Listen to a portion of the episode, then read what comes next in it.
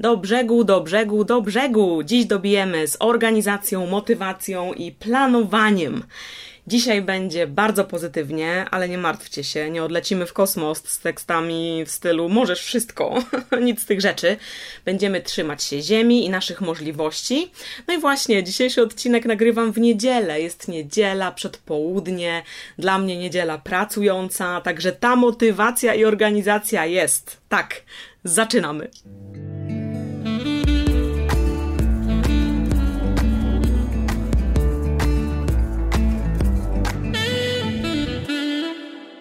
Na początek powiem Wam, że do nagrania tego odcinka zainspirowałyście mnie Wy. Po prostu, Wasze pytania, bo dostaję ich mnóstwo. Nie ma live'a albo QA, albo ogólnie takiej luźniejszej, niemodowej treści u mnie, żeby nie padały pytania.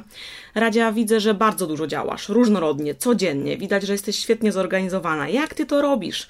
Podziel się tą tajemną wiedzą. Racka, tobie zawsze się tak chce? Skąd ty masz tyle energii? Co cię motywuje do działania? Zdradź swoje sekrety. Także dziś będą radzkowe, organizacyjne sekrety, chociaż tutaj złotej rady i recepty na super zorganizowanie i motywację nie mam, ale do tego za chwilę dojdę. Natomiast dziś zapraszam Was na moją garść, albo może trafniej będzie powiedzieć wór, bo to będzie też długi odcinek. Wór moich przemyśleń na temat organizacji, motywacji i planowania, bo faktycznie, no tu się przyznaję, że są to dziedziny życia, które mam opanowane do perfekcji, ale też to się nie wzięło i nie bierze z powietrza.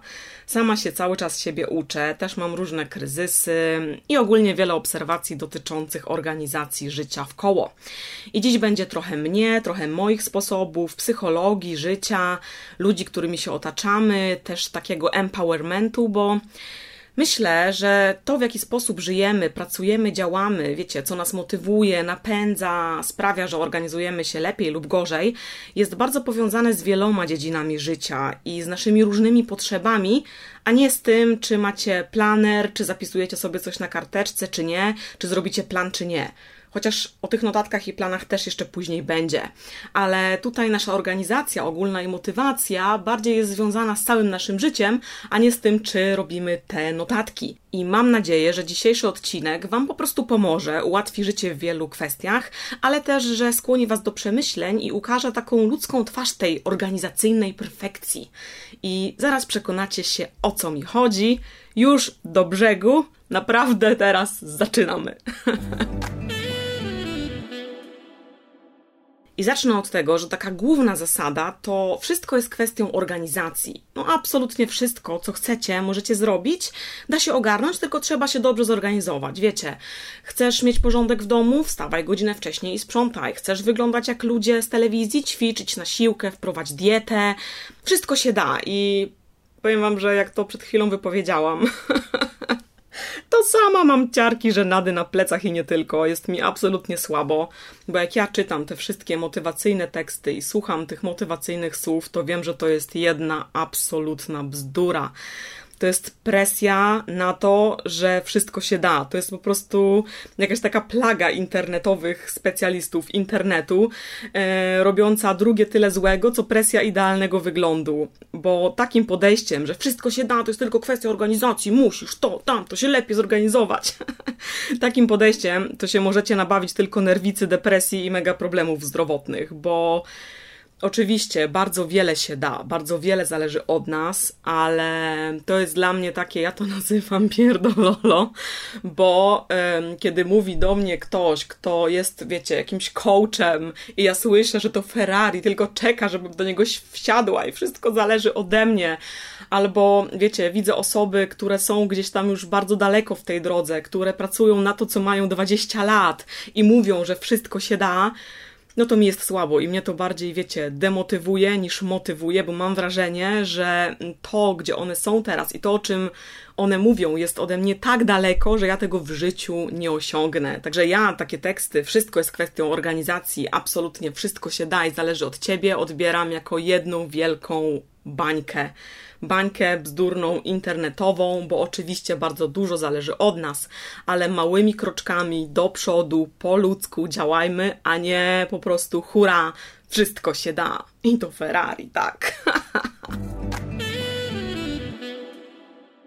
Ale na początku, ponieważ dostaję bardzo wiele pytań, dlaczego jestem taka, jaka jestem, a ja się na ten temat w ogóle nie zastanawiam, bo ja działam i dla mnie to, jak pracuję, a pracuję bardzo dużo, to jak działam w koło jest rzeczą absolutnie naturalną. To zaczęłam się zastanawiać i zapytałam też wiele osób w koło, które ze mną pracują albo współpracują, jak one widzą moje zorganizowanie, to zaczęłam się zastanawiać właśnie nad swoją historią i doszłam do bardzo ciekawych wniosków. I ten podcast rozwinął również samą mnie, bo niektórych rzeczy wcale tak do końca świadoma e, nie byłam, ale wielu już od lat jestem. E, w każdym razie moje takie motto codziennego działania, z czego też się czasem śmiejecie na Instagramie, bo często to powtarzam, jest takie, że samo się nie zrobi. No po prostu samo się nie zrobi. Podcast sam się nie nagra, nie zmontuje, nic się samo nie ogarnie. Żaden projekt, żadne Insta Stories, żaden film, żadne współtworzone produkty, żadna książka, żadne cokolwiek. No po prostu. I możemy się z tego śmiać, ale mm, taka jest prawda prawda. Ja jestem człowiekiem kawą, działaniem i notesem. I to są takie rzeczy, które bardzo mi ułatwiają codzienne życie. Ale tak już yy, poważniej, to zaczęłam się zastanawiać nad swoim życiem i ja tak naprawdę od zawsze, od dziecka, zawsze bardzo dużo robiłam rzeczy w koło od kiedy pamiętam, od szkoły podstawowej. Ja, kiedy byłam w podstawówce i w liceum, to tańczyłam w zespole pieśni i tańca Maki w Zielonej Górze. To był cudowny czas. Czasem lżejszy, czasem, czasem cięższy, ale jednak. Także ja wiecie, chodziłam do szkoły podstawowej, tańczyłam w zespole. Mieliśmy próby dwa, trzy razy w tygodniu. Chodziłam też swego czasu, bo około dwa lata na basen. Trenowałam pływanie, więc szkoła, tańce, pływanie. Do tego w klasach zawsze byłam e, w samorządzie klasowym, w jakichś kółkach organizacyjnych organizacyjnych, też e, z koleżankami mm, organizowałyśmy różne imprezy właśnie. Ja w ogóle nie wiem, jak ja na to wszystko znaj, znajdywałam czas, ale byłam bardzo zajęta i bardzo lubiłam tę zajętość. To mnie nie przytłaczało, tylko napędzało do działania. Kiedy miałyśmy na przykład wolniejszą chwilę w podstawówce, w tych późniejszych klasach, to na przykład wiem, że organizowałyśmy mm, różne zajęcia dla na przykład dzieci specjalnej troski z naszego osiedla, żeby je zaangażować. No, robiłyśmy dużo fajnych społecznych rzeczy, inicjatyw. Później, mm, kiedy zaczęłam się uczyć w Niemczech, to e, już na ostatnie klasy liceum byłam w szkole z internatem, więc samo bycie w internacie bardzo dużo mi dało, bo musiałam się nauczyć życia sama ze sobą, ale też nauka w obcym języku wymagała ode mnie dużo lepszej organizacji, dużo większego zaangażowania w naukę niż po prostu tak na co dzień e, działałam. Później z kolei, jak poszłam od razu po szkole na studia, to ja praktycznie od początku tych studiów miałam dwie prace. Ja studiowałam prawo we Frankfurcie nad Menem, ale też pracowałam w kancelarii jako pomoc studencka. To nie była wymagająca praca, no ale wymagała ode mnie dwa razy w tygodniu na kilka godzin zjawienia się w tej kancelarii. I jeszcze jako tako, takie rozwijanie swojej pasji, czegoś, co mnie zainteresowało, to pracowałam w zakładzie fryzjerskim jako pomoc fryzjerki. Też tam nie miałam żadnych poważnych zadań, ale lubiłam tę pracę, bo lubiłam się bawić włosami. Gdzieś tam mnie właśnie w kierunku tych kreatywnych rzeczy ciągnęło. Także ja miałam studia, i dwie prace, i cały czas, wbrew pozorom, e, byłam czymś zajęta. I ja też tak zastanawiając się nad moimi młodocianymi latami, bo myślę, że one miały duży wpływ właśnie na, na mnie, to jestem nauczona takiego działania, tego, że jeżeli ja nie zrobię, to nikt za mnie nie zrobi, przez moich rodziców, przez sytuację. Dlatego, że moi rodzice mm, bardzo dużo pracowali i my z siostrą musiałyśmy ogarniać się na co dzień same. Musiałyśmy same podejmować wiele decyzji, same ogarniać swoje życie, jedzenie, gdzieś tam to, żebyśmy się nie spóźniały, żebyśmy były punktualnie, żeby mm, w szkole było ok. To wszystko było na naszej głowie. Pamiętam też na przykład, że moja mama nigdy za mnie w szkole nic nie załatwiała, bo często widziałam, że rodzice e, chodzili na przykład do nauczycieli, gdzieś tam interweniowali za swoje dzieci, a moja mama nigdy mówiła, chcesz sobie coś załatwić, jest jakiś problem, idź i się dogadaj. Także moja mama e, ogólnie mm, nam, mi i mojej siostrze dawała bardzo dużo swobody przy jednoczesnym e, uczulaniu nas na różne niebezpieczeństwa, bo wiedziała, że nie może być jej przy nas w wielu momentach, to mówiła, że mamy na siebie uważać, mamy mamy o siebie dbać, mamy się szanować, mamy robić różne rzeczy takie, które nas chroniły po prostu. Tutaj nam trochę działała na wyobraźnię, ale przy jednoczesnym dawaniu nam bardzo dużej e, swobody. Mam na myśli nie swobody, idźcie sobie na imprezę, bo tu nie było swobody, ale takiej swobody na co dzień, po prostu w codziennym życiu. Masz brudne, to sobie wypiesz. Jesteś głodna, to sobie to jedzenie jakoś ogarnij. Lodówka jest pełna. No i tak dalej. Potrzebujesz takich rzeczy, to musisz sama je sobie kupić, załatwić, zorganizować.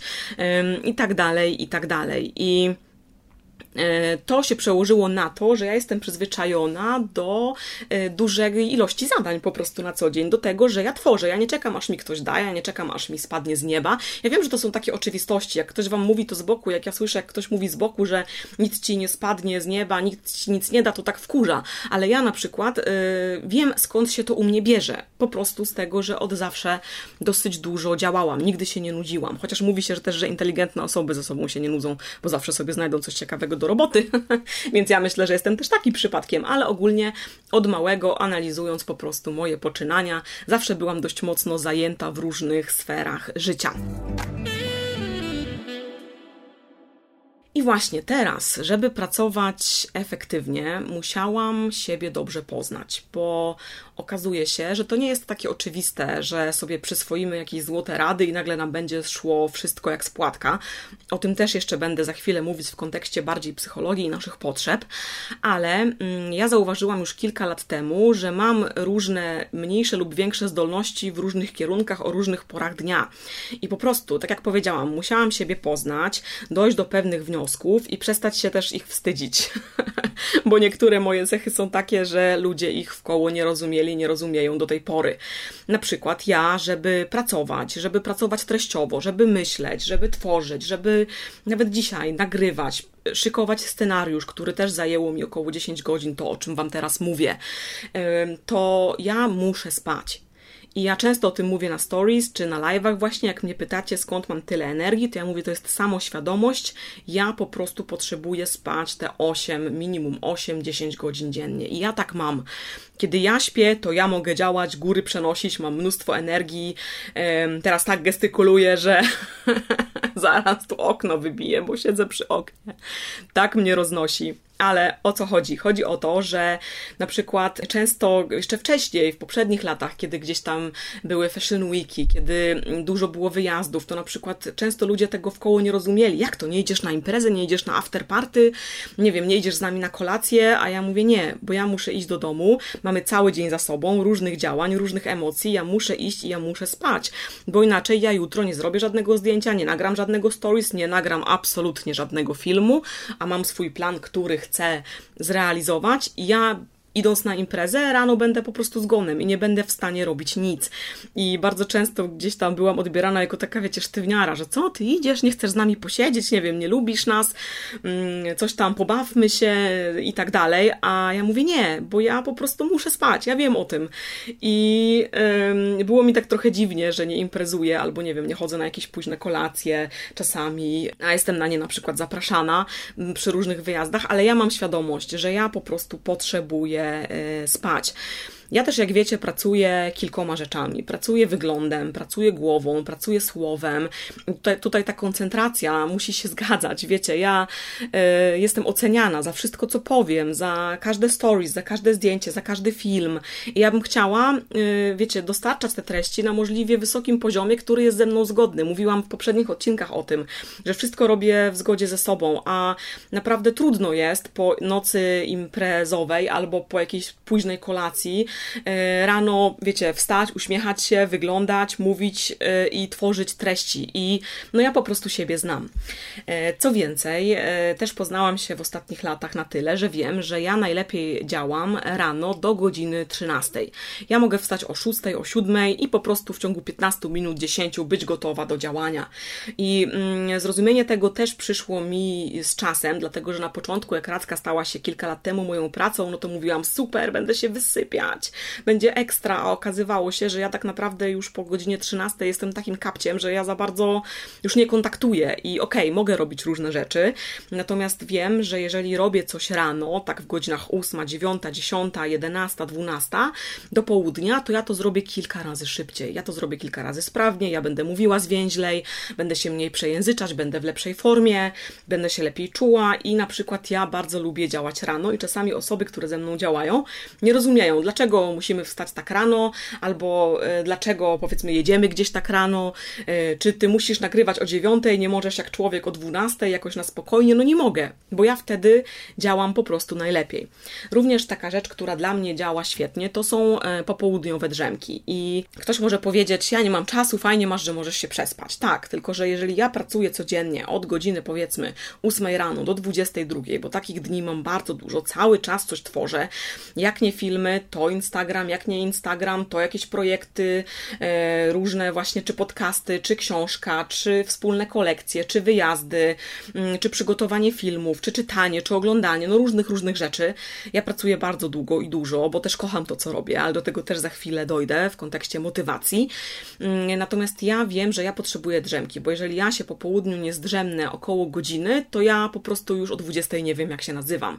Przez intensywność działań moich, przez to, że robię rzeczy na bardzo dużym skupieniu, bardzo szybko, sprawnie, e, dostajecie tych treści ode mnie sporo, to ja, żeby działać na przykład dłużej, jeżeli wiem, że mam taki dzień, że potrzebuję działać do 22, do 23, to ja po prostu się potrzebuję za dnia zdrzemnąć. Ale wiem, że są też osoby, którym na przykład taka drzemka totalnie rozleguje, rozregu, luje, rozreguluje. Tak, dobrze, żebym tu miała odpowiednią dykcję, bo to jest podkład, yy, podkład, podcast, tak.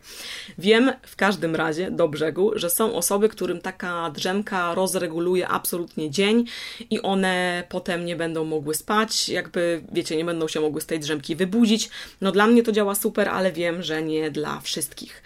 E, jeszcze na przykład jest taka sprawa, że czasami słyszę, że u ciebie nigdy nie ma muzyki. Jak ty pracujesz, to jest taka cisza. Puśćmy coś sobie, żeby było tak, wiecie, weselej, żeby było, żeby była lepsza energia. A ja kiedy pracuję, kiedy tworzę, potrzebuję ciszy.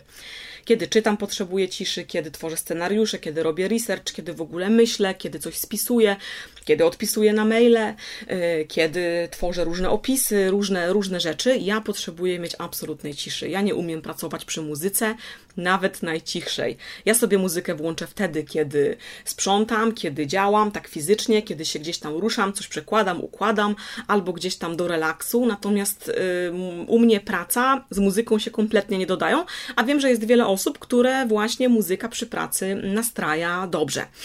No i jeszcze Jedna ważna rzecz a propos odpoczynku, bo odpoczynek też jest istotny, to ja już też wiele lat temu doszłam do wniosku, że w moim przypadku świetnie się sprawdza, jeżeli jestem zmęczona i właściwie to jest jedyna opcja, odpoczynek tak zwany horyzontalny. U mnie aktywny wypoczynek, wiecie, aktywny odpoczynek, jakieś rowery, wyjazdy, coś, to jest, to jest, to jest, to się nie dzieje. Ja po takim odpoczynku muszę odpoczywać. Ja wiem, że jeżeli moja głowa ma odpocząć, ja mam odpocząć, to ja po prostu muszę leżeć. I ja też doszłam metodami prób i błędów, testowania na sobie różnych rzeczy właśnie do takich wniosków, że ja nie umiem odpoczywać aktywnie, nie potrafię po prostu, bo dla mnie aktywność wiąże się, wiecie, z działaniem, z myśleniem, ze zmęczeniem się, a też różne aktywności na ogół, też przez to, że działam w social mediach, to też gdzieś tam zawsze są jakieś storiesy, zawsze są jakieś zdjęcia, to jest zawsze jakaś praca, a dla mnie najlepiej działa to, jeżeli ja się położę, wyśpię z książką, pooglądam serial, poszuram się po chacie, jak ja to mówię, cały dzień w piżamie, mm, wrzucę, wiecie, jakiś, jakiegoś małego storiska, jakąś może fotkę, którą mam wcześniej zrobioną na, na Insta i that's it. I ja po prostu wtedy wypoczywam najlepiej. I żadne, chodź, jedźmy na narty, pójdźmy tu, gdzieś tam, chodź na miasto. To nie jest dla mnie odpoczynek. To jest dla mnie pół odpoczynek, pół działanie. A horyzontalny odpoczynek to jest coś, co ja uwielbiam.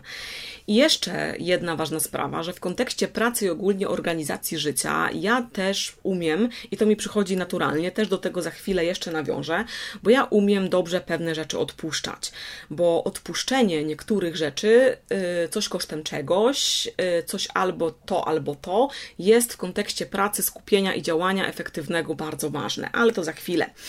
I wiecie, mm, co ja bardzo lubię w ogóle i cenię sobie w pracy, w tym tym, co robię, co tworzę e, na co dzień, ja sobie cenię sprawczość. I to też jest coś, do czego doszłam e, w przeciągu kilku lat. To nie było dla mnie takie oczywiste. Mnie na przykład działania, praca uspokajają, bo mam poczucie, że robię coś, co mi wychodzi, co zrobiłam, co zrobiłam w moim mniemaniu dobrze. I nawet mam tak, że jeżeli mam jakiś gorszy dzień, no gorzej się czuję, mam gorszy humor, widzę, że jestem rozdrażniona, może trochę zmęczona, może coś mi nie wyszło, może ktoś mnie zdenerwował, może mam jakiś taki, wiecie, gorszy czas, to ja na przykład yy, nie chcę użyć słowa uciekam w pracę, bo to nie o to chodzi, że zajmuję głowę czym innym, tylko ja wtedy biorę się do pracy, tworzę coś, bo wiem, że to mnie pozytywnie nastroi, bo stworzę coś, co mi wyjdzie. Nagram fajny odcinek podcastu, przygotuję fajny film, przeczytam książkę, zrobię coś, co mnie rozwinie i co sprawi, że będę miała poczucie takiej sprawczości, że coś mi się udało i że mimo tego, że gdzieś tam jest źle, że się czuję gorzej, że jakieś okoliczności są niesprzyjające, coś innego mi nie wyszło, to to mi wyszło. Ja po prostu też często pracuję właśnie tak trochę terapeutycznie, mm, żeby mieć takie poczucie kontroli, że jest coś, co mi w życiu e, wychodzi i robię coś konstruktywnego. Ale tyle o mnie, chociaż wydaje mi się, że może moje wnioski będą dla Was przydatne, bo też zajęło mi kilka lat dojście do tego, dlaczego działam tak, jak działam. Natomiast chciałabym w kontekście ogarniania życia zwrócić Waszą uwagę na coś bardzo podstawowego i ważnego, bez czego nie będzie nic i niczego, i żadne złote rady nic Wam nie dadzą. Czyli chciałabym e, zwrócić Waszą uwagę na Wasze potrzeby, bo e, bardzo często mamy takie wrażenie, że ktoś nie ogarnia, że nie ogarniam, nie umiem się zorganizować, nic mi nie wychodzi, nie jestem zmotywowana, a tak naprawdę e, nie jest, są zaspokojone, nie jest zaspokojona jakaś Wasza potrzeba, nie jest zaspokojona jakaś Wasza taka podstawowa potrzeba. I to, że nie jesteście ogarnięte, że nie umiecie się zorganizować, że nie jesteście zmotywowane, to nie jest to, że wy takie nie jesteście i nie potraficie, nie mogłybyście lepiej zarządzać sobą, swoim czasem, swoim życiem. To jest tylko wrażenie. Natomiast bez zaspokojenia właśnie tych potrzeb, no po prostu nie dajecie rady. A gdyby one były zaspokojone, to spokojnie byście się lepiej zorganizowały, bo wasza głowa funkcjonowałaby inaczej. Także często taki nieogar ogólny, czy w waszym przypadku, czy w kontekście czyjejś osoby, to jest tylko wrażenie i można się zorganizować. Ale właśnie, chciałam Wam e, powiedzieć o mm, piramidzie potrzeb Maslowa w kontekście motywacji i organizacji, bo to jest coś, o czym często nie myślimy, na co nie zwracamy uwagi, tylko wiecie, ciśnieniujemy się, e, obwiniamy siebie za to, że nie jesteśmy zorganizowane, nie umiemy, nie wychodzi nam tak dobrze, jak wszystkim w koło, jakoś te złote rady nie działają, a to nie jest w ogóle, wiecie, adekwatne do naszej sytuacji. I myślę, że wiele z Was kojarzy piramidę potrzeb Maslowa, mamy tam pięć poziomów, te poziomy takie najwyżej są e, na czubeczku, są najmniejsze, najmniej nam potrzebne, że tak powiem, do, do funkcjonowania, a te, które są niżej, są najważniejsze, są najszersze i mamy pięć poziomów. To są potrzeby fizjologiczne, potrzeba bezpieczeństwa, przynależności i później sam czubeczek to jest uznanie i samorealizacja. I wiadomo też, że mm, ta piramida Maslowa też w zależności od osobowości, od kontekstu, od czasu, od wieku, od, od miejsca, w którym jesteśmy w życiu, może gdzieś tam e, się te różne potrzeby zamieniać kolejnością między sobą, ale to, Oh. To tam jest bardziej już, wiecie, w kontekście konkretnych osób i sytuacji. Natomiast tak ogólnie zaspokajanie tych potrzeb się zgadza i jest prawdziwe. I ja dzisiaj e, w tym podcaście mówię o czubeczku tej piramidy. Motywacja, planowanie, organizacja to jest czubeczek, to jest e, ta, ta, ten piąty poziom potrzeb, to jest samorealizacja. A bardzo ważne, żeby dojść w ogóle do tego, żeby móc się zorganizować i zmotywować, są właśnie te niższe poziomy. No i tutaj dochodzimy do sedna bo najważniejsze są potrzeby fizjologiczne, wśród których jest innymi sen i jedzenie.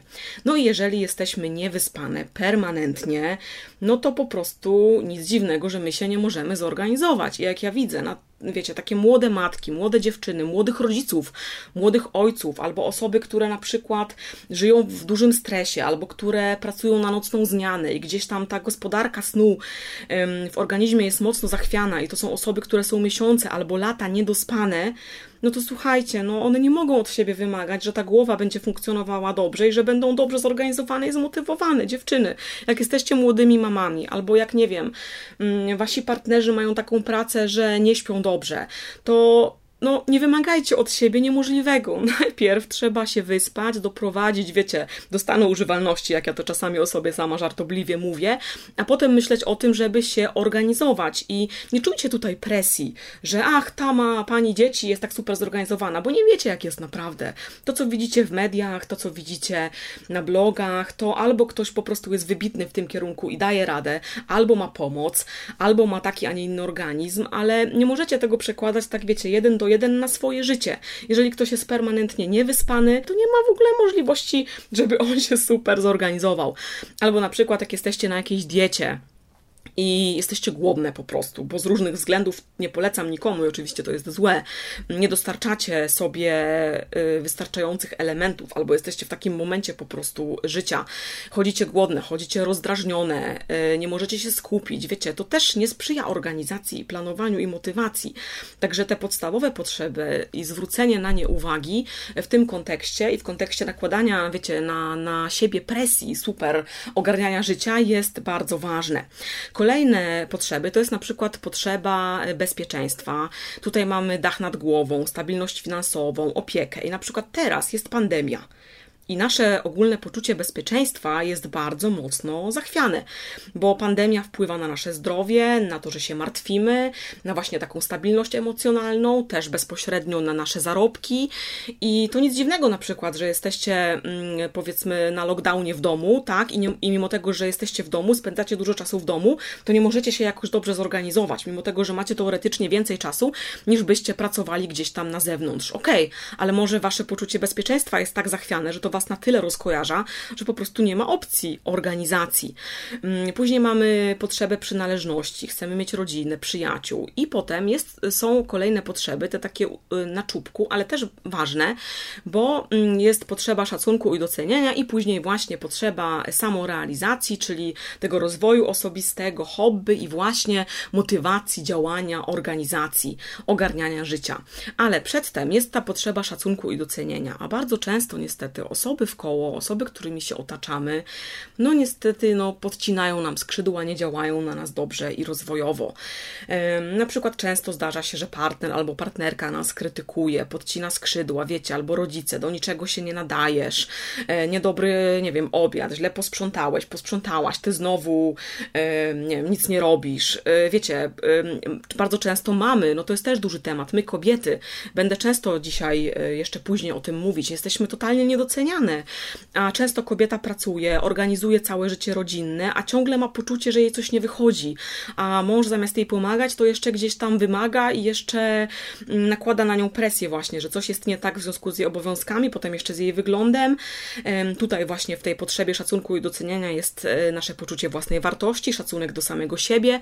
Więc tutaj ważne jest też to, żeby osoby, które są nam bliskie, nam te potrzeby pomagały realizować, pomagały spełniać, bo często tutaj niestety jest kłopot, no i ciężko jest się rozwijać, ciężko być zmotywowanym, kiedy ktoś nas e, krytykuje, kiedy mamy poczucie klęski. Także warto jest być świadomym tych mechanizmów, zadbać o siebie i o to, co robi nam albo co z nami robi otoczenie, a nie nakładać na siebie presję idealnie zorganizowanego życia, wiecie, i się ciśnieniować na siłę. Teraz nawiązując do czubka piramidy naszych potrzeb, kilka słów o motywacji. Bo często mówię o tym i też się dziwicie, że na przykład ja nie motywuję się żadnymi postanowieniami, głównie mam na myśli postanowienia noworoczne. Nie. Ja nie robię żadnych postanowień noworocznych, bo to rodzi na mnie presję i e, rodzi e, frustrację, a ja niedobrze działam pod presją. Ja działam najlepiej wtedy, kiedy ja dojdę do pewnych wniosków i sama się wewnętrznie przekonam, że to jest dla mnie dobre i dlatego chcę działać, a nie y, mam motywację z zewnątrz, bo y, jak wiecie, mamy te motywacje zewnętrzne i wewnętrzne. I ja jestem takim człowiekiem, na którego najlepiej działają motywacje wewnętrzne, ale znam osoby, które potrzebują motywacji zewnętrznej do ogarnięcia się, bo same z siebie jej nie mają. Więc to też tak nie jest, że to jest takie oczywiste, że wszyscy mają się motywować wewnętrznie, mm, a zewnętrzna motywacja jest zła. Nie, bo to zależy od osobowości jak mówiłam wcześniej, warto być siebie świadomym. Ja na przykład na początku roku czasem wyznaczam sobie różne cele, ale to są takie cele życzeniowe, co bym chciała w tym roku zrobić, czy zrobić to rackowo, czy gdzieś może pojechać, czy coś zobaczyć, czy stworzyć coś tam, czy spróbować iść w tym kierunku. Na przykład y, pod koniec roku myślałam, że chciałabym zacząć w tym roku rackowo nagrywać podcasty. Y, I jak wiecie, słyszycie, nagrywam. Natomiast to nie jest nic takiego stałego, to nie jest presja, to nie są super postanowienia, to są bardziej plany, które ja później staram się y, realizować, ale jak nie wyjdzie, to trudno, będą lata kolejne. I często dostaję właśnie pytania, o których mówiłam na początku, jak ja to robię, że ja po prostu działam. Jak ty to Racka robisz, że ty wstajesz i ogarniasz? Jak to możesz wytłumaczyć? I to jest to, o czym mówiłam wcześniej. Ja po prostu siebie znam. Ja siebie znam, wiem, kiedy praca przychodzi mi lżej, wiem, kiedy prościej, wiem, że ja wstaję i jestem w ciągu kilku minut gotowa do działania i wiem, że rano działam lepiej, to jest właśnie ta samoświadomość, ale przede wszystkim motywuje mnie to, że ja potrzebuję w życiu robić to, co kocham i w to, co wierzę. To, co mnie interesuje, co mnie pasjonuje, bo wtedy moja motywacja jest absolutnie kosmiczna i ja muszę te rzeczy robić dla siebie, nie dla kogoś wiecie, nie w jakimś takim nie wiadomo jakim szczytnym celu, ja potrzebuję robić je dla siebie. I wtedy, kiedy robię rzeczy takie, które kocham, to potrafię pracować cały czas, potrafię działać dzień i noc, to znaczy no, w nocy śpię, jak już mówiłam, ale potrafię się bardzo skupić na tym, mm, co robię i w kontekście ogólnie motywacji uważam, że bardzo ważne jest nasze otoczenie, właśnie to bezpieczeństwo, to uznanie i bardzo ważne jest to, jakimi ludźmi się otaczamy, nasze środowisko, nasze inspiracje z różnych e, stron. I wiecie, jak jesteśmy młodzi, mamy rodziców, mamy rodzinę, nie mamy wyboru, ale pamiętajcie, że później, jak jesteście starsze, to macie wybór na to, kim się otaczacie. Jeżeli macie w koło jakieś osoby, które czujecie, że pożerają waszą energię, że działają na was negatywnie, że was dołują, to polecam możliwie się od nich odciąć, bo może się okazać, że wasze życie nagle stanie się łatwiejsze, że będzie więcej uśmiechu, że będą pozytywne emocje. I niestety to, co zauważyłam, to to, że nagminnie, poza mężczyznami, oczywiście, poza tym, że świat jest y, stworzony pod mężczyzn i że my w ogóle ogólnie mamy ciężko, to y, kobiety kobietom podcinają skrzydła. Po prostu to kobiety zwracają uwagę na wygląd, co jest z tobą nie tak, że nie masz czysto w domu, kobiety są dla kobiet wredne, albo jakieś komentarze w stylu, o, ty w ciąży taka jesteś, ja to w ciąży do dziewiątego miesiąca po schodach biegałam. No dobrze, to byłaś ty, a ja jestem inna. Także to też często o tym mówię. Mówiłam o tym nieraz w różnych kontekstach, kontekstach, zwłaszcza w kontekstach negatywnych komentarzy i oceniania, że nie róbmy sobie tego, nie bądźmy dla siebie takie, wiecie, wstrętne, bo my i tak mamy w świecie dużo gorzej niż mężczyźni, i tak musimy dużo ciężej walczyć o swoje, i tak musimy non-stop udowadniać po prostu, mm, że to, że jesteśmy płcią żeńską, to nie znaczy, że jesteśmy gorsze, więc po co robić to sobie jeszcze w wzajemnie. Jeżeli wasza koleżanka według was ma problem z utrzymaniem czystości, to może zapytajcie się, czy jej pomóc po prostu. Albo może nic nie mówcie, bo może przyjrzyjcie się jej na tyle, żeby zauważyć, że ona na przykład tę strefę odpuszcza. I tyle, a jest doskonała i tworzy świetne rzeczy, działa z sukcesem w innych sferach życia. Też to ma duży związek z tym, że my ogólnie jesteśmy tacy, że lubimy się interesować innymi, lubimy wtrącać nosy w nie swoje sprawy, ale ogólnie po prostu bądźmy dla siebie milsze, wyrozumialsze, bo pomyślcie sobie, że jeżeli wy macie ciężką, to ta kobieta, którą w tej chwili oceniacie i którą chcecie, której chcecie, wiecie, dać dobrą radę albo jakieś przytyki a propos jej życia i nie ogara, yy, może mieć tak samo ciężko jak wy, albo jeszcze dużo, dużo yy, ciężej. No i do tego jeszcze dochodzi yy, cała otoczka instagramowa, bo to jest też, wiecie, to, czym się otaczamy, to nie są tylko ludzie, to są też w tej chwili social media, które są bardzo ważną częścią naszego życia i czy przyznamy to, czy nie, mają na nas duży wpływ. A na Instagramie mamy dużo takich, wiecie, mm, treści, które są sobie przeciwstawne. Bo z jednej strony te same osoby mówią, dziewczyny, wspierajmy się, bądźmy dla siebie miłe, girl power i tak dalej, a z drugiej strony widzicie u nich totalnie idealne życie. Totalnie, wiecie, piękne y, piękny, nieskazitelny wygląd, ubrania, piękne otoczenie, posprzątany dom, wiecie, wszystko urządzone insta-friendly i macie się taki trochę dysonans, nie? No bo nasze życie tak nie wygląda. Moje życie, słuchajcie, też tak nie wygląda. Dlatego ja na stories też i pokazuję się bez makijażu i pokazuję się, kiedy działam, kiedy jestem mniej zmęczona, bardziej zmęczona, żeby ta realność gdzieś tam y, była. Bo yy, takie właśnie przekazy są dołujące bo z jednej strony ktoś wam mówi, że jest taki jak wy, a wy patrzycie, no tak po prostu nie jest. I ja mam taką radę i to jest coś, co ja staram się robić. Staram się czerpać z Instagrama inspiracje mnie motywujące, dla mnie pozytywne. Takie wiecie, dobre inspiracje, a nie dołujące. Kiedy ja widzę, że na przykład ktoś mm, swoimi treściami, to może być fantastyczna osoba, fantastyczna dziewczyna, fantastyczny chłopak, ale działa na mnie demotywująco, wywiera na mnie presję na przykład, że u mnie jest coś nie tak, jak powinno być, to ja dla swojego zdrowia psychicznego, mimo tego, że daną osobę mogę lubić, ich tak na co dzień permanentnie nie obserwuję. Wchodzę sobie wtedy raz na jakiś czas zobaczyć, co u danej osoby słychać. Także ja się staram w koło siebie otaczać się też na social mediach dobrymi treściami, wartościowymi, obserwować osoby, które mnie tak realnie inspirują, a nie osoby, które mnie i moje życie mm, wpędzają e, w kompleksy.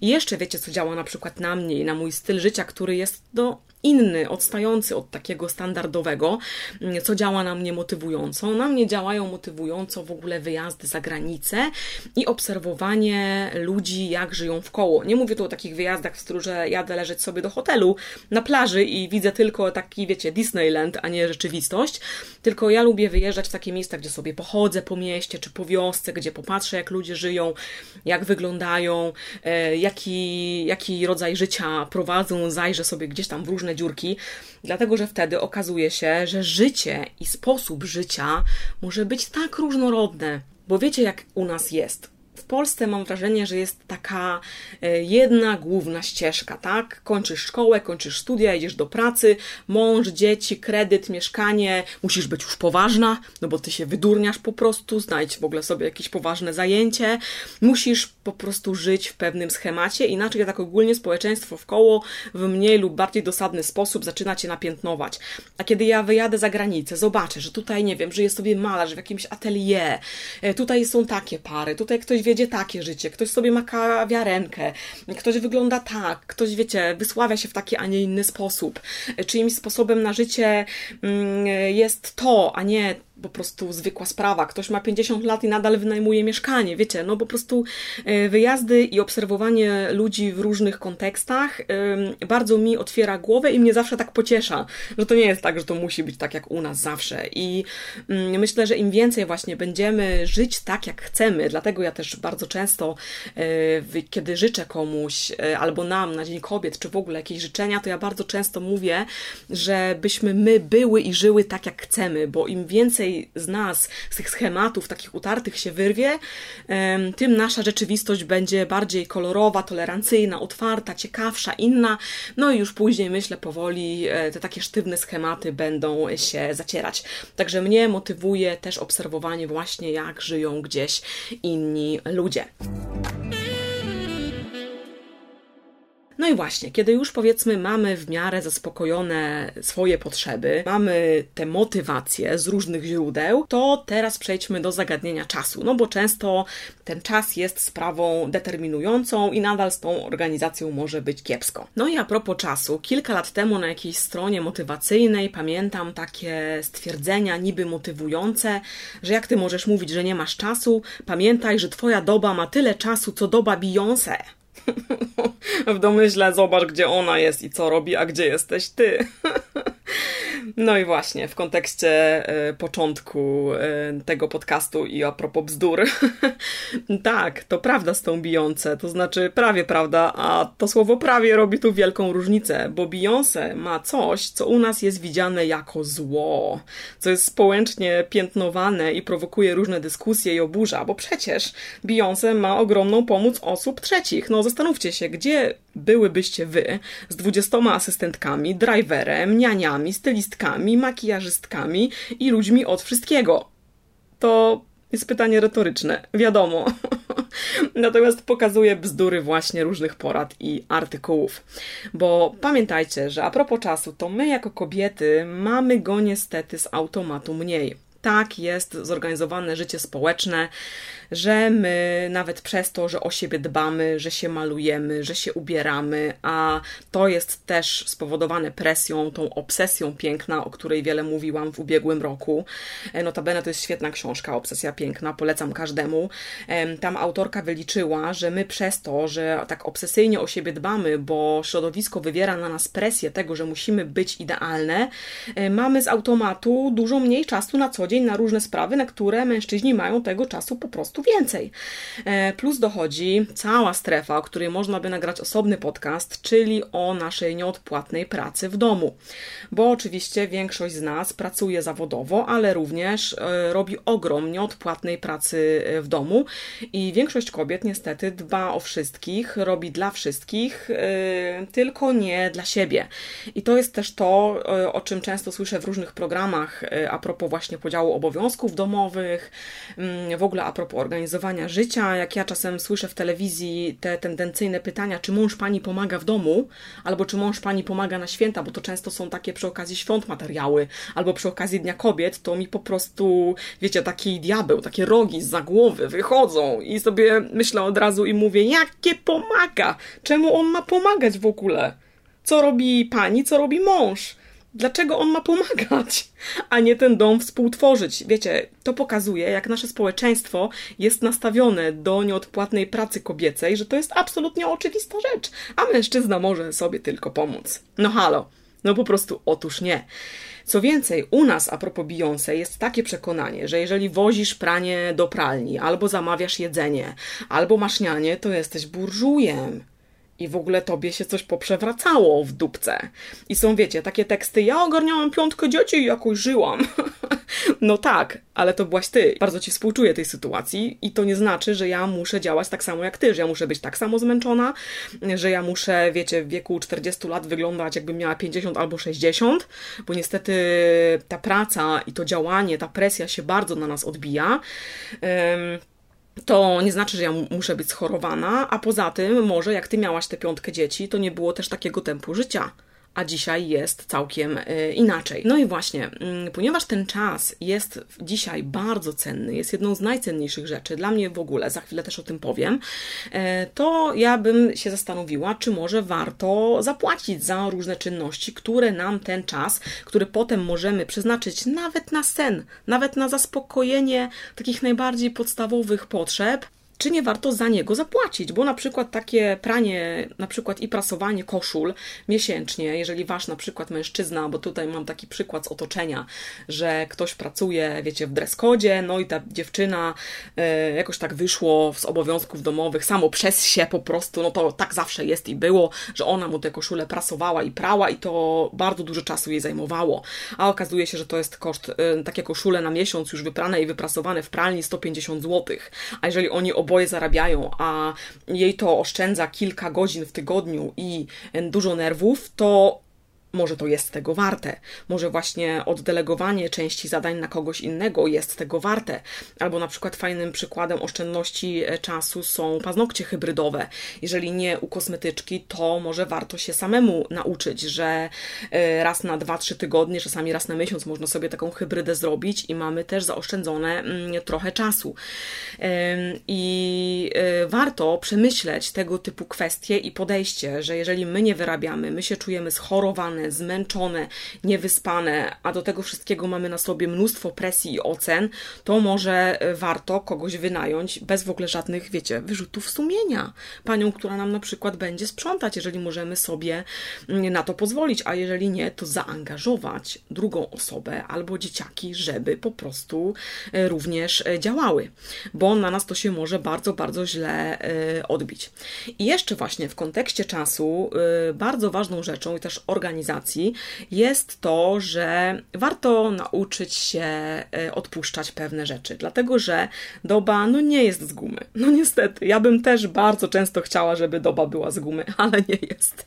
Nie umiem jej e, wydłużyć i e, warto nie, nie mieć presji i nie ciśnieniować się, że wszystko musi być idealnie. Praca, dom, dzieci, obiad, dwa dania na święta, wiecie, 10 posiłków, wysprzątana chata, paznokcie zrobione, makijaż zrobiony, bo to po prostu doprowadzi, jak mówiłam na początku, do nerwicy, depresji i do problemów zdrowotnych. Mm, warto wiedzieć, że, jesteś, że jeżeli jesteśmy dobre na jednym polu, to może na innym nie musimy być idealne, bo po co? Warto, żebyśmy były mm, dobre tam, y, gdzie jest to potrzebne, gdzie nam to służy, gdzie nas to rozwija i gdzie po prostu jest to najważniejsze. I ja mam na przykład taką koleżankę, która y, ma wiecznie bałagan. Bałagan y, w samochodzie, bałagan po prostu w domu. No, jak się do niej czasami wchodzi, to naprawdę jest, wiecie, pole, pole, jak, jak po prostu krajobraz po bitwie. E, I ona nie ogarnia, ona nie ogarnia sprzątania domu i samochodu, natomiast ona jest bardzo przedsiębiorcza, prowadzi dwie firmy, odnosi sukcesy i ona sobie odpuszcza. Ona wie, że ona w domu nie musi sprzątać. Bierze sobie, mm, wiecie, zatrudnia panią do sprzątania raz na jakiś czas i jest ok, oddaje samochód gdzieś tam do mycia i czyszczenia raz na jakiś czas, ale jak trafisz akurat w momencie, kiedy tej pani jakiś czas dawno nie było, no to można się zdziwić.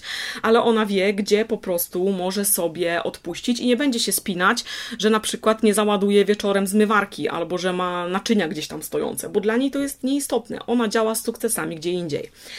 Przykład ze, ze mnie, ode mnie, to jestem ja i gotowanie. Bo ja, jak wiecie, jeżeli mnie oglądacie, to wiecie, że ja totalnie nie gotuję. Ja absolutnie nie gotuję i myślę, że nie spotkałyście osoby tak niegotującej jak ja. Ja w życiu nie ugotowałam obiadu, w życiu nie zrobiłam jajecznicy, w życiu nie ogarnęłam nic takiego do jedzenia dla siebie, bo ja tego totalnie nie czuję. Jakby strefa kuchni, lubię jeść, ale e, jakby samo przyrządzanie, jedzenie, ta sfera mogłaby dla mnie absolutnie nie istnieć. W ogóle o tym nie myślę, co trzeba kupić, gdzie, po co, dlaczego. No, no totalnie, a już z przyrządzaniem to jest dla mnie kosmos. I ja się nie ciśnieniuję mi to w ogóle nie przeszkadza, że ja nie umiem gotować. Ja nie chcę umieć gotować, ja mam to po prostu gdzieś. Ja działam tutaj sprawnie przy tworzeniu treści, działam w radce, y, tutaj się staram całą moją energię ładować i ja nie będę się rozdrabniać na to, że ja muszę jeszcze zrobić albo myśleć o zakupach, przyrządzić to, nie będę się uczyć gotowania. Ja po prostu to odpuszczam, bo to jest dla mnie strefa, która jest po prostu nieistotna. Ja wiem, że ja nie dam rady ogarniać y, wszystkiego, albo, y, albo, a jeżeli dam na przykład przykład, bo czasami muszę mm, ogarnąć za dużo, to wiem, że potem jestem tak zmęczona, że nie jestem w stanie zrobić nic i potrzebuję trzy dni leżenia horyz horyzontalnego. Także warto też zastanowić się nad tym, że nie musi być wszystko idealne. A, a propos czasu i takiego ogólnego podejścia, to powiem Wam, że czas dla mnie w życiu, e, przy działaniu, przy pracy, przy ogarnianiu w ogóle też życia prywatnego jest bardzo cenny. Jest jedną z najcenniejszych rzeczy, jaką mam.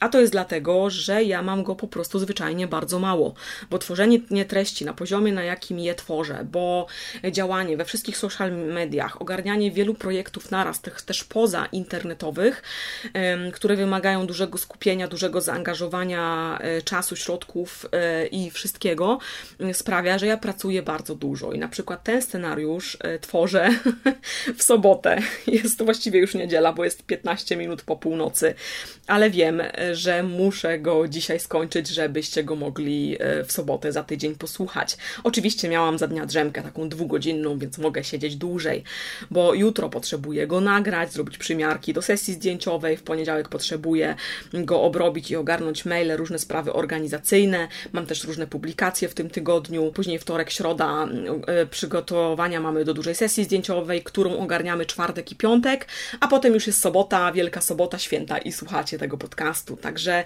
ja pracuję bardzo dużo i często na przykład ludzie mi mówią, że nie mają na nic czasu, a potem wiecie, jeden wyjazd, drugi, tu weekend. Oczywiście ja nie mówię, że to jest nic złego, bo trzeba odpoczywać, trzeba się regenerować i to jest fajne. E, natomiast wiecie, słyszę z jednej strony, że ktoś nie ma czasu, a jednak widzę, że wyjeżdża, że działa, że e, ja cały czas pracuję, a ktoś robi inne rzeczy, albo się na przykład pyta mnie, czy widziałam dany serial, e, gdzie ja nie mam totalnie czasu na oglądanie seriali, albo albo kiedy się spotkamy, mm, ty nigdy nie możesz, ty zawsze coś robisz i wychodzi, wiecie, w dłuższej perspektywie na to, że tak naprawdę czasu w tych naszych relacjach to nie mam tylko ja, a nie te inne osoby. I dlatego ja swój czas e, cenię bardzo i cenię też czas innych. U mnie na przykład nie ma takich opcji. Podjedź przy okazji, przecież to godzinka, dwie, trzy, no co ty, e, można to przecież zrobić. Nie, bo u mnie te 2-3 godziny w codziennym życiu robią dużą różnicę. Bardzo też na przykład nie lubię, kiedy ktoś się spóźnia, kiedy ktoś nie szanuje mojego czasu, albo biznesowo na przykład, kiedy ktoś wysyła do mnie maile, jakieś marki, e, bez konkretów, takie ogólne, gdzie ja wiem, że ja potrzebuję kolejne trzy maile, żeby w ogóle ustalić o co chodzi, to powiem Wam, że ja, może to nie jest profesjonalne podejście, ale ja na takie maile nawet nie odpisuję bo ja nie mam na to czasu, żeby ustalać z kimś, czy ja jestem w ogóle zainteresowana jakimś działaniem, czy o co w ogóle chodzi. Więc mnie na przykład takie mało konkretne maile PR-owe albo ogólnie takie, jeżeli chodzi o współpracę, denerwują i na nie po prostu nie odpowiadam. Albo na przykład e, działanie z dnia na dzień, z tygodnia na tydzień ze mną jest na przykład jako stwórcą niemożliwe, bo ja mam swój plan często na 2-3 miesiące do przodu i mi jest totalnie ciężko zrobić coś z tygodnia mm, na tydzień. Wiadomo, kiedy mam jakiś na przykład dany czas zarezerwowany dla jakiejś marki na działania, no to wtedy spontanicznie możemy robić co chcemy w obrębie tego czasu. Ale kiedy ktoś się, mm, się do mnie zgłasza, mówi Racka, potrzebuję coś zrobić za tydzień, to nawet jeżeli znam tę markę, lubię, noszę produkty, cenię, to ja nie jestem w stanie po prostu nic z nimi tak czy owak e, zdziałać. I robię też coś w codziennym życiu, co wiem, że może nie jest super dla osób, które to odbierają, ale no w moim przypadku to jest często jedyna możliwa opcja, bo mianowicie nagrywam wiadomości głosowe. Czasami na różne odpowiedzi na Instagramie. Myślę, że jeżeli pisałyście do mnie jakieś wiadomości, to czasem też mógłbyście się zdziwić, że odpowiedziałam głosem, ale też czasem jak ktoś mnie zaczepia tak bardziej biznesowo, to ja na przykład nagrywam wiadomości i ja wiem, że dla mnie to jest super, bo ja wypowiem te rzeczy i mam to z głowy, a dla kogoś, kto słucha, to jest gorzej, no bo szybciej się czyta niż słucha i ktoś musi poświęcić na to więcej czasu, ale niestety dla mnie to nagranie się yy, zamiast pisania maila to jest często jedyna opcja, bo ja na maila nie odpiszę, bo po prostu nie ogarniam, nie mam na to czasu, wiecie, ustalania stu spraw, a przez jedną krótką, dwie krótkie wiadomości głosowe powiem wszystko, co ja na ten temat myślę i ktoś albo będzie chciał coś tam dalej działać, odpisywać i ustalać, albo nie. Więc y, często po prostu wolę to powiedzieć, niż pisać kolejnych 10 maili i to wynika po prostu z tego, że y, no ja tego czasu mam bardzo, bardzo mało.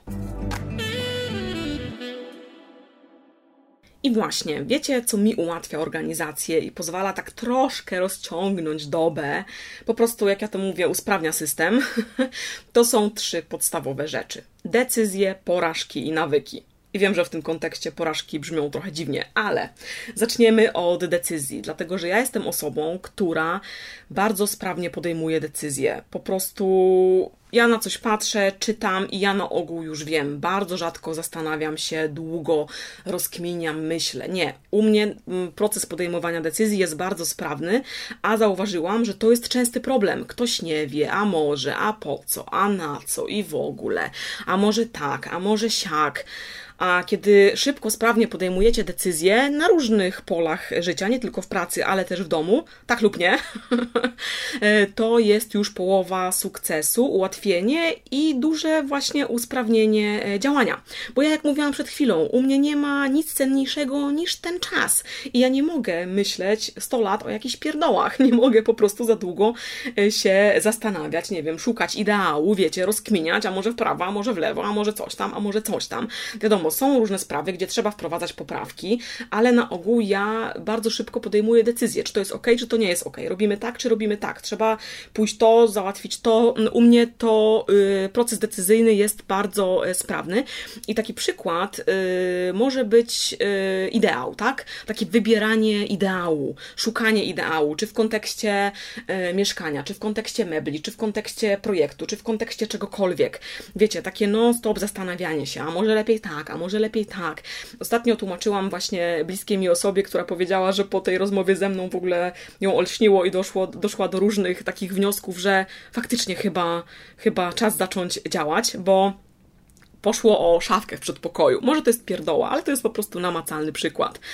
E, ona bardzo długo szuka, już 3 czy 4 miesiące szafki do przedpokoju, bo a może tak, a może lepiej tak, a może lepiej tak. A ja jej mówię, że słuchaj, wybieranie ideału jest z założenia niezbyt trafne, bo nigdy idealnie nie będzie, po prostu. Na ogół jest coś, co gdzieś tam y, sprawia, że dana rzecz nie jest y, idealna. Trzeba po prostu w jakiejś sytuacji, jeżeli macie wątpliwości, policzyć plusy i minusy i jak jest więcej plusów, to po prostu robić, działać, kupować i nie piętrzyć problemów tam, gdzie ich nie ma. To jest też jedno z takich moich ulubionych powiedzeń. Ja nie robię problemów tam, gdzie ich nie ma. Po prostu y, działam i to, co się łączy z szybkimi decyzjami, to jest to, że ja jestem człowiekiem konkretem. Ja jestem bardzo konkretna i to mi bardzo ułatwia życie. Komunikuję się z innymi krótko, zwięźlej na temat. To też często mówię na stories, to jest też coś, co jest takie, wiecie, dla mnie charakterystyczne. I ja się komunikuję z innymi tak, jak ja bym chciała, żeby się komunikowano ze mną. Jeżeli na przykład wysyłam do kogoś maila z zapytaniem, to ja dokładnie mm, napiszę o co mi chodzi. Tak, żeby osoba, która to przeczyta, miała jak najmniej pytań, miała jak najwięcej y, obrazu sytuacji. Przykładem może być mail, który ostatnio wysyłałam do kawiarni, w której będziemy robić część sesji zdjęciowej za kilka dni, pisząc im z zapytaniem, czy możemy do nich się udać, bo podoba mi się ich wnętrze, bo pasują do klimatu i byłoby fajnie u nich te zdjęcia zrobić, to napisałam wszystko dokładnie, kim jestem, co robię, co będziemy robić, jaka ilość zdjęć, w jaki dokładnie dzień planujemy te sesje, w jakich y, godzinach, dokładnie wszystko y, mieli po prostu napisane, żeby już mieli konkretny obraz sytuacji. Jedyne pytanie, jakie mi zadali, mm, na co ja nie wpadłam w tym moim mailu, już takim, wiecie, przedstawiającym wszystko, czy w tym czasie, kiedy będzie sesja, będą mogli wchodzić ludzie, żeby sobie na wynos wziąć na przykład kawkę, no bo w ten sposób kawiarnie mogą działać. Ja tylko napisałam tak, pewnie nie ma problemu i już wszystko mieliśmy ustalone. Także ja lubię konkretną komunikację w obie strony, ale też często mi jako kobiecie, powiem Wam, za ten konkret się od, obrywa. Bo dlaczego ty jesteś taka formalna?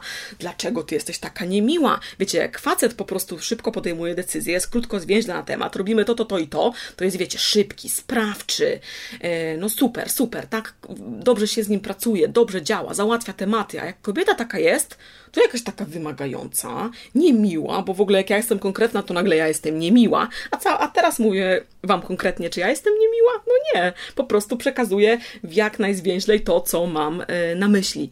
Mm, staram się, żeby i moje filmy, i podcasty, i wszystko, co robię, było napakowane różnymi informacjami. Także z, z tym, wiecie, z tym byciem konkretnym, to też czasami jest, jeżeli jesteście kobietami, dobrze o tym wiecie, jest nam potrzebna asertywność i to, żeby e, no po prostu nie, nie, nie dawać się tym facetom, tak?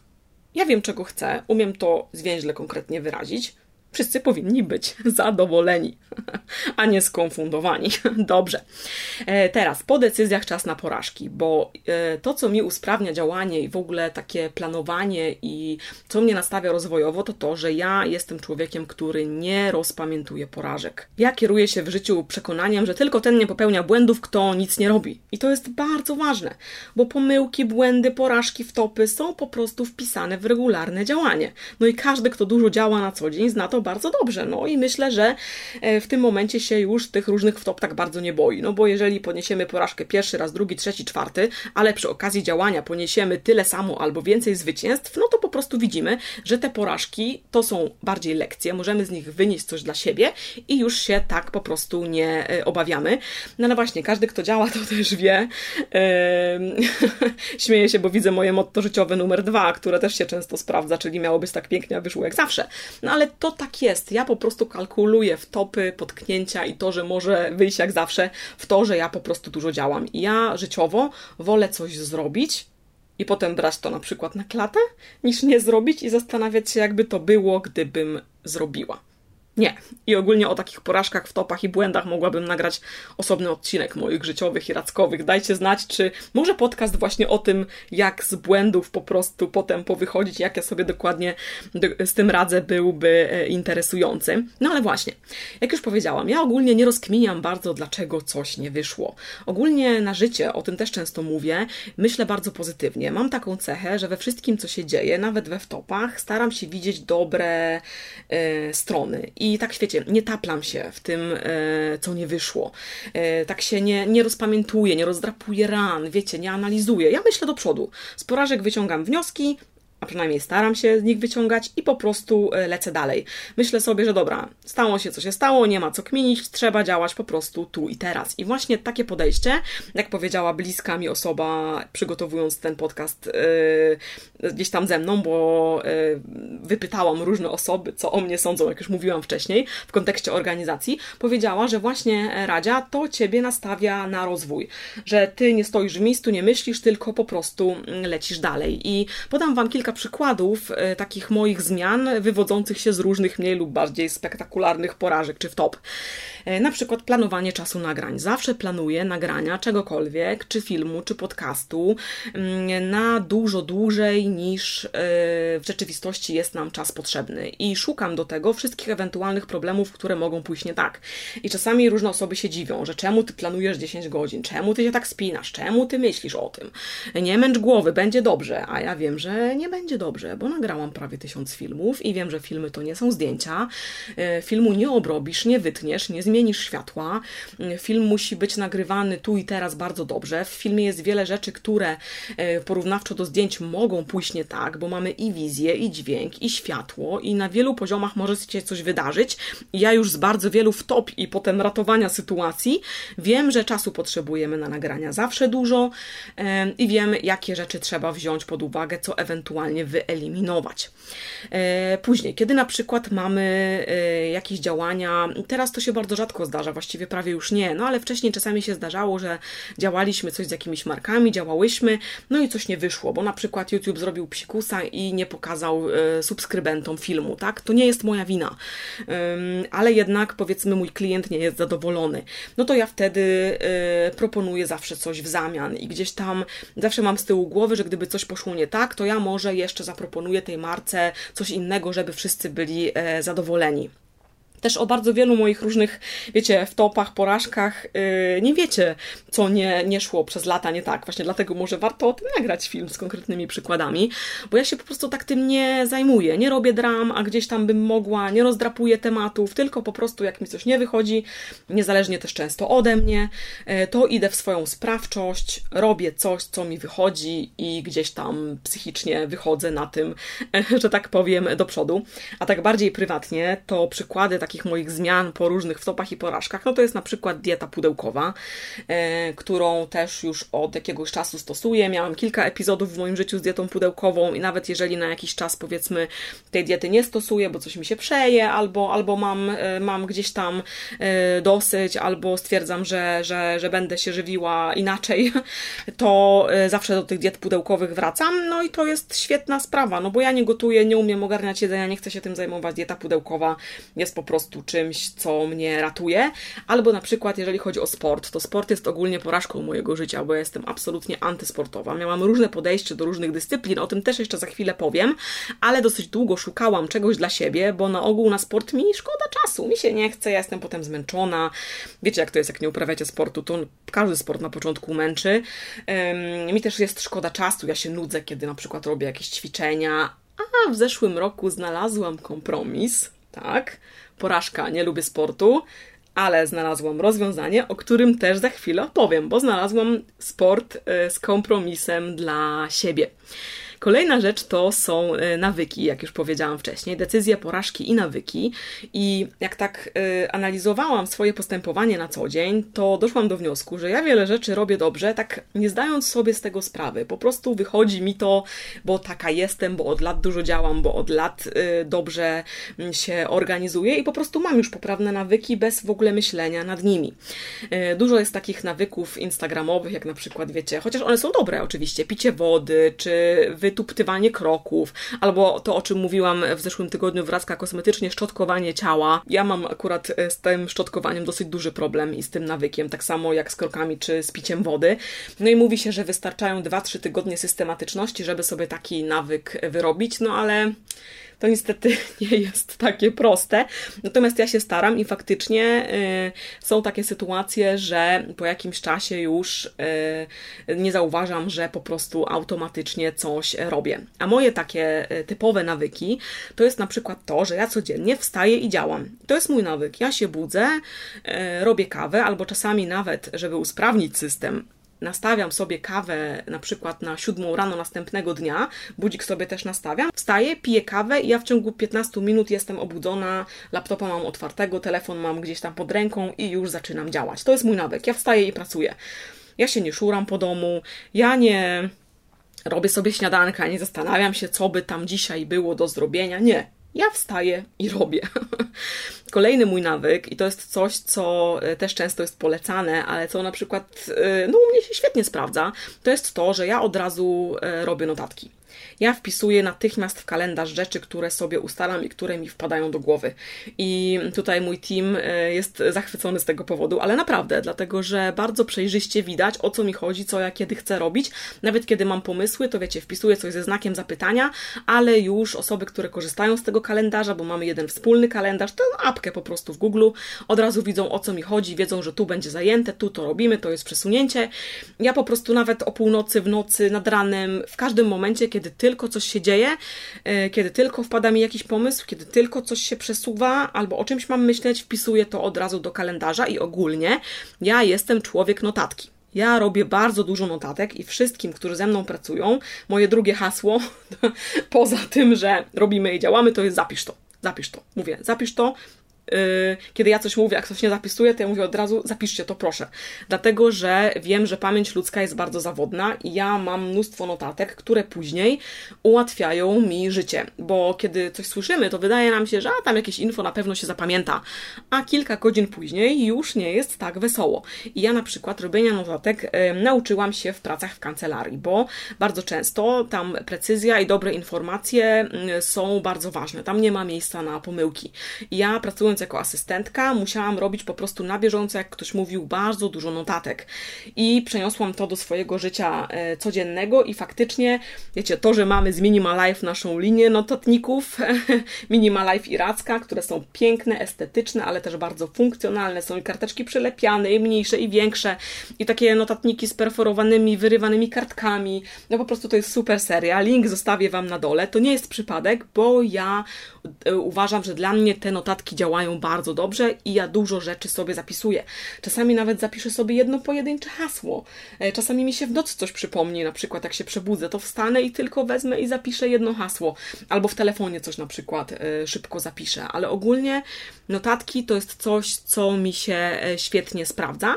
A a propos nawyków, to jest też taka zasada, o której często się mówi, zasada dwóch minut, czyli jeżeli coś Ci zajmuje mniej niż dwie minuty, to zrób to od razu wstaw, nie wiem, e, kubek do zmywarki, e, zwiń coś, posprzątaj, przemyj, e, no cokolwiek, poukładaj, to powiem Wam, że dla mnie takie coś się w ogóle nie sprawdza. Bo dla mnie, nawet jeżeli coś zajmuje 30 sekund, a wybija mnie z mojego rytmu działania, to jest coś, co mi zaburza po prostu przepływ, taki wiecie, mózgowy informacji, przepływ skupienia. Dla mnie, jeżeli ja coś robię i działam, to dla mnie nie istnieje nic innego. Ja potrafię robić z trzema różnymi kubkami kawy po prostu na biurku. które stoją tu od rana. Ja potrafię działać naprawdę z bardzo takim bałaganem w tle, bo jeżeli ja działam i się na czymś skupiam, to mnie nie interesuje nic innego, po prostu.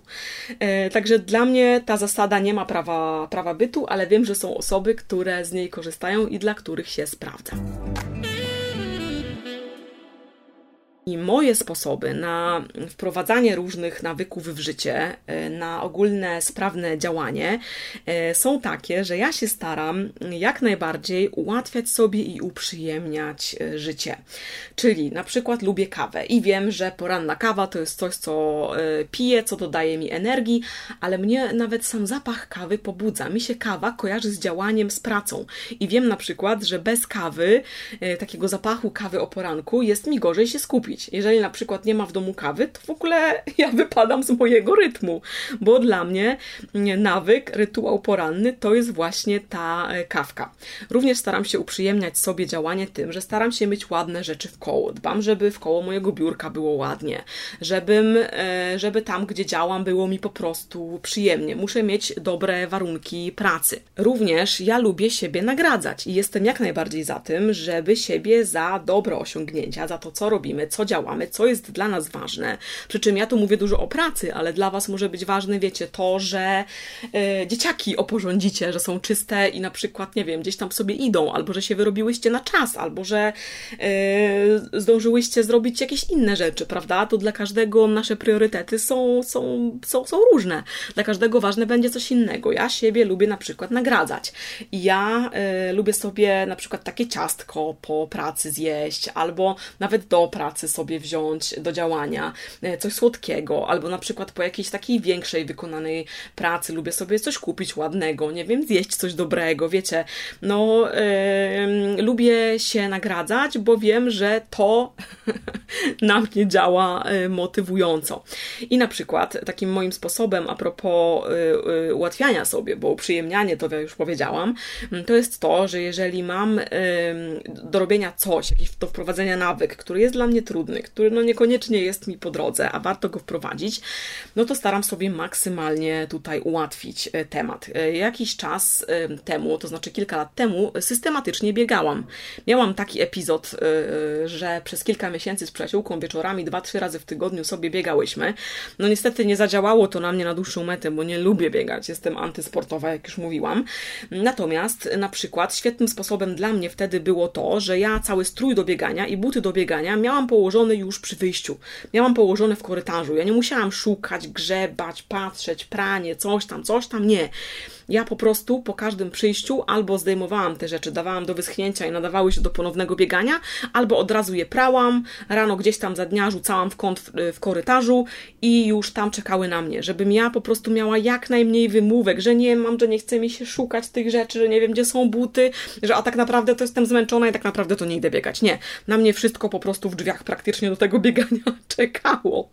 Że czasem, jak wiecie, wpadałam do domu, to tylko zmieniałam rzeczy i już wybiegałam, a gdybym miałam te rzeczy gdzieś porozkładane po domu, to by było zaraz, że Celina, ja jednak nie dam rady, bo już zdjęłam buty, bo się rozebrałam, bo jestem zmęczona, a nie wiem, gdzie jest bluzka. Nie. Ja wiedziałam, że jeżeli ja mam systematycznie biegać, to ja muszę mieć wszystko przygotowane. Tak samo na przykład, a propos sportu, który znalazłam dla siebie w ubiegłym roku e, i tej porażki e, po prostu idącej w rozwiązanie, to doszłam do wniosku, że ja lubię jeździć na rowerku stacjonarnym. Dlatego, że jest to rodzaj sportu, rodzaj aktywności, przy którym ja mogę robić inne rzeczy. Ja mogę sobie obejrzeć serial, jakiś film na YouTubie, mogę posłuchać podcastu, e, robię to sobie, wiecie, w zaciszu domowym, więc nie mam wymówek, że nie chce mi się wychodzić, że jest zimno, że ciemno. No to jest po prostu prostu mm, sport, którego czynniki i działanie sprawiają, że y, mam szansę na regularność. Wprawdzie od zeszłego lata i wiosny, kiedy jeździłam przez kilka miesięcy regularnie, teraz na chwilę odstawiłam ten rowerek, ale mam nadzieję do niego wrócić. Natomiast jest to właśnie taki sport, który łączy u mnie kilka rzeczy y, i jest szansa, że mogę go właśnie robić regularnie. I pamiętam, że tak sobie uprzyjemniałam właśnie tym oglądaniem serialu, na który normalnie nie mam czasu, albo właśnie słuchaniem podcastów, czy mm, właśnie jakichś e, filmów na YouTubie. Tak sobie to jeżdżenie uprzyjemniałam, że latem, kiedy miałam bardzo dużo pracy, to ja cały dzień, jak na przykład widziałam jakiś fajny odcinek na YouTubie mojej ulubionej vlogerki, albo kiedy widziałam, że jest jakiś serial, który chcę obejrzeć, to cały dzień myślałam o tym, że super, dobra, to ja wieczorem e, na rowerku sobie to obejrzę, tak? I ja już wiedziałam, że tam na mnie wieczorem czeka nagroda, więc ja w ten sposób rozkminiam, staram się sobie jak najbardziej ułatwić, jak najbardziej e, uprzyjemnić życie. Jeszcze a propos życia i wprowadzanie tych e, nawyków, ale a propos jeszcze tego rowerka, to u mnie nawet, ja jestem po prostu takim leserem sportowym, że u mnie nawet miejsce, gdzie ten rowerek stoi, robi różnicę. Bo jeżeli on stoi w miejscu, gdzie gdzieś tam ja muszę go wyjmować, przestawiać, coś z niego ściągać, to ja już nie będę taka regularna. Dlatego mam go ustawionego w takim miejscu, że po prostu tylko mm, na niego wsiadam i jadę, bo wtedy wiem, że to y, będę robić. No i ogólnie coś, co jest też, myślę, wielu Wam znane, ale co jest po prostu bardzo pra- prawdziwe. Nie jakieś takie, wiecie, presja, motywacja niefajna, e, rodząca właśnie uczucie, że jesteśmy przegrywami, tylko małe kroczki, powoli, dać sobie czas. To jest to samo, co z tworzeniem, to samo, co z budowaniem swojej marki, firmy, e, z pracą, z działaniem. Po prostu dać sobie na wszystko czas, bo małymi kroczkami, powolnym e, wprowadzaniem różnych nawyków w życie macie szansę na to, że one po prostu zostaną z Wami na zawsze.